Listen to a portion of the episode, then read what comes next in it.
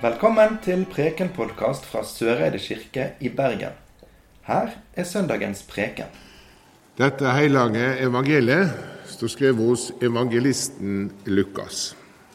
Da Jesus nærma seg Jeriko, satt en blind mann ved veien og tigga. Mannen hørte at det var mye folk på veien, og spurte hva som sto på. De svarer, det er Jesus fra Nasaret som kommer forbi. Da roper han, Jesus, du Davids sønn, miskunna deg over meg.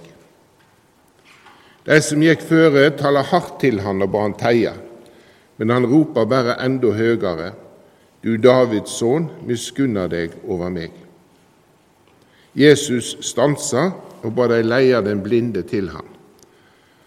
Og da han kom nærmere, spurte Jesus han, Hva vil du jeg skal gjøre for deg? Herre, lat meg få att synet, svarer han. Jesus sa til han, Du skal bli sjående, trua di har frelst deg. Og straks kunne han sjå, og gav seg i følge med Jesus og lova Gud, og alt folket som så det, prisa Gud. Slik lyder Herrens ord.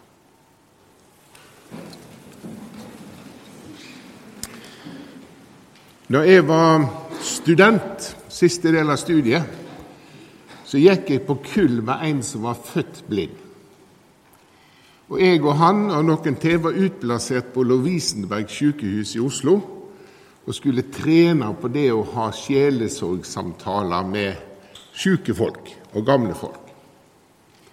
Og En dag så kom han gående småflirende bortover gangen på sykehuset.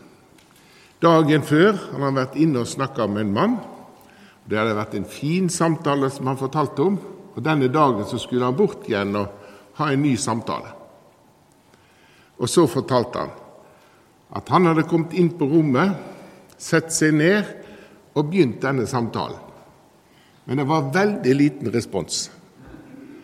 For det viste seg at denne gamle mannen han hadde dødd i løpet av natta. Og, og sykehusrommet var tomt, heldigvis, da. Eh, men han syntes det var liten respons da, å få fra ei tom seng. Så han kom flirende tilbake. Eh, han syntes det var både tragisk og morsomt, da, denne situasjonen.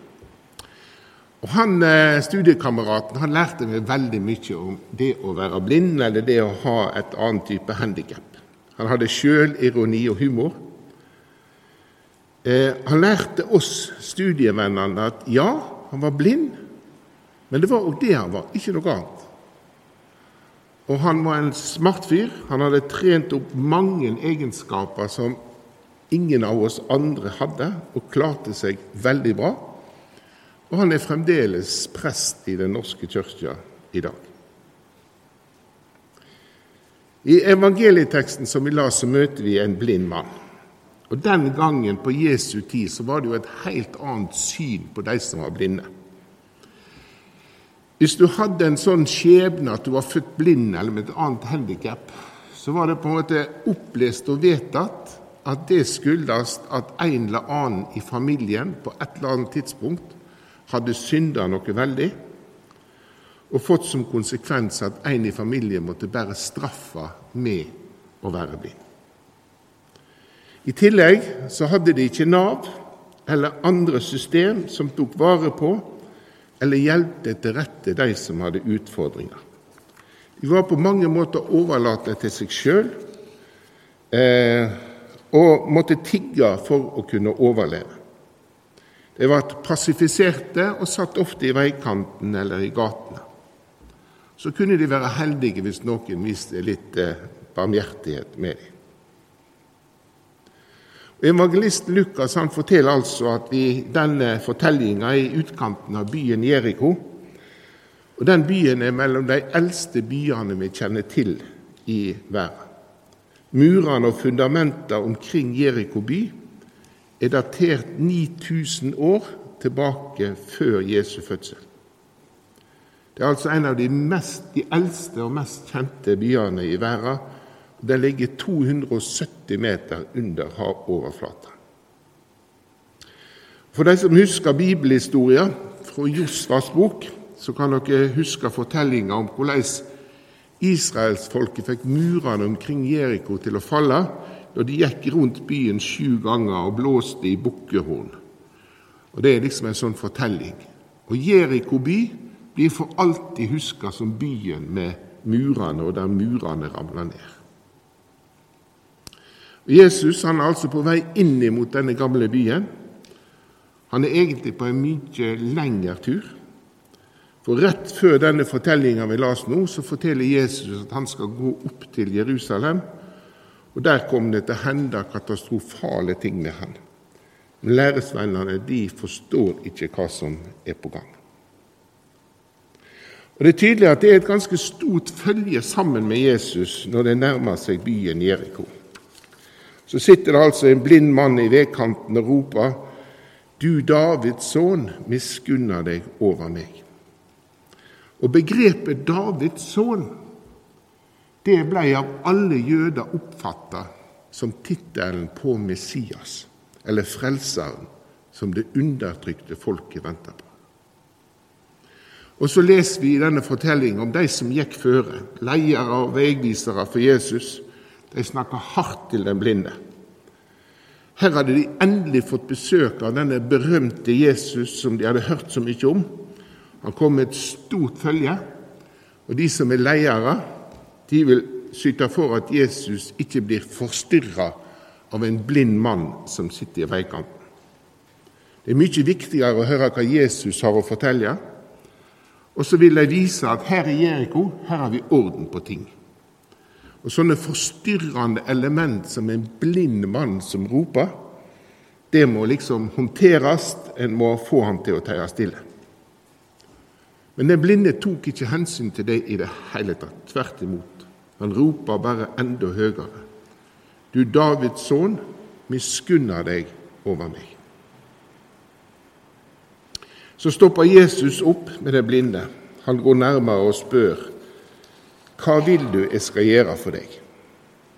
Da er det lett å tenke at det var et litt sånn dumt spørsmål, fordi eh, det er klart at hvis du er blind, og noen spør hva vil du skal gjøre for deg, jo, så klart du vil ha syn igjen. Men det er ikke så klart. Det naturlige svaret for en blind på den tida ville kanskje være kan du gi meg noen penger så jeg kan få mat denne gangen, denne dagen også? Eller kanskje kan du la en av læresvennene dine hjelpe meg, så jeg kan slå følge videre? Eller kanskje du kan snakke med deg i Jeriko, sånn at jeg får et litt bedre liv her enn det jeg har nå. Men det svaret fra den blinde det røper egentlig to ting. Det ene er at han ber om det som i utgangspunktet er helt umulig. Han som var blind, kunne ikke få synet tilbake sånn uten videre. Da måtte det skje et under, da måtte noe hende som ikke kunne forklares, og som ikke var logisk. Den blinde trodde at dette umulige kunne hende. Og For det andre så oppfatta han tydelig hvem Jesus var. Og I ropet hans blir det avslørt 'Du Davids sønn', kaller han altså Jesus. Altså, han har, sjøl om han er blind, oppfatta at Jesus ikke bare er et menneske, men at han også er den Messias, den frelseren, som skulle komme. Og Jesus viser oss dette i svaret til den blinde. Du skal bli sjående, trua di har frelst deg. Og Så skjer underet. Den blinde får syn igjen og gir seg i følge med Jesus på vandringa videre mot Jerusalem. Og Denne fortellinga om denne blinde mannen med Jeriko og dette ropet fra den blinde, det er noe som følger oss fremdeles. Hver gang når vi feirer gudstjeneste. Ja, når vi begynte her i dag, så sang vi det samme ropet som den blinde ropte. Kyrie eleison. Det er de samme ord. Og sånn har Kirka i 2000 år, hver eneste søndag over hele verden, begynt med de samme orda ifra den blinde ved Jeriko. Kyrie eleison. Herre, miskunna deg over meg. Og første konfirmanttimen i år så snakket vi om gudstjenester og om dette ropet Kyrie eleser. Og konfirmantene her på Søreide fikk i oppgave å formulere sitt eget Kyrie-rop. Og her sier de mellom annet jeg har bare med meg et lite utvalg. Og Dette er det konfirmantene på Søreide som sier. Gud, hjelp oss å hjelpe fattigdom. Gud, hjelp oss med leksene. Skap fred. Hjelp de som misbruker narkotika. Redd klima. Gud, hjelp oss med glede. Så tenker jeg dette Kyrie-ropet Det er noe som vi egentlig kunne kjenne etter litt noen hver. Prøv å tenke etter nå, bare noen sekunder. Hvis du skulle formulere ditt eget Kyrie-rop her og nå, hva er det da du vil si til Gud?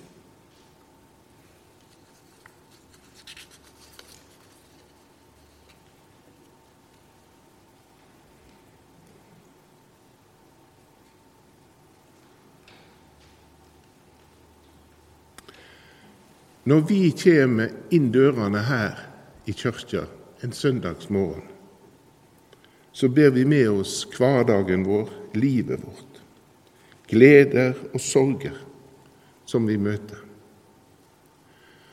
Og så får vi komme hit, være sammen. Og samtidig får vi dele våre egne rop med Gud gjennom liturgien når vi synger Kyrie eleison.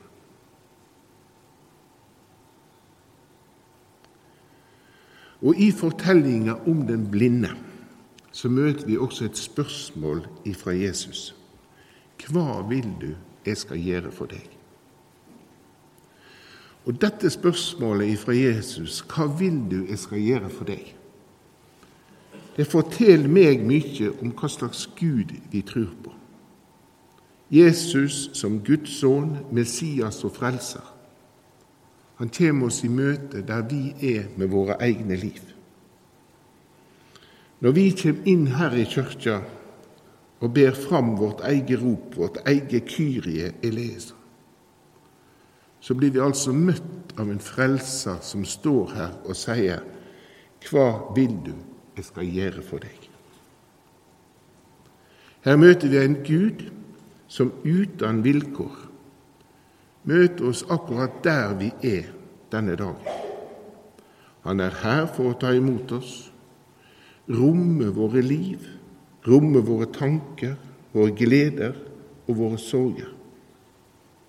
Ja, vi får komme hit og sette oss ned, kanskje som om vi sitter med veikanten og bærer fram våre sukk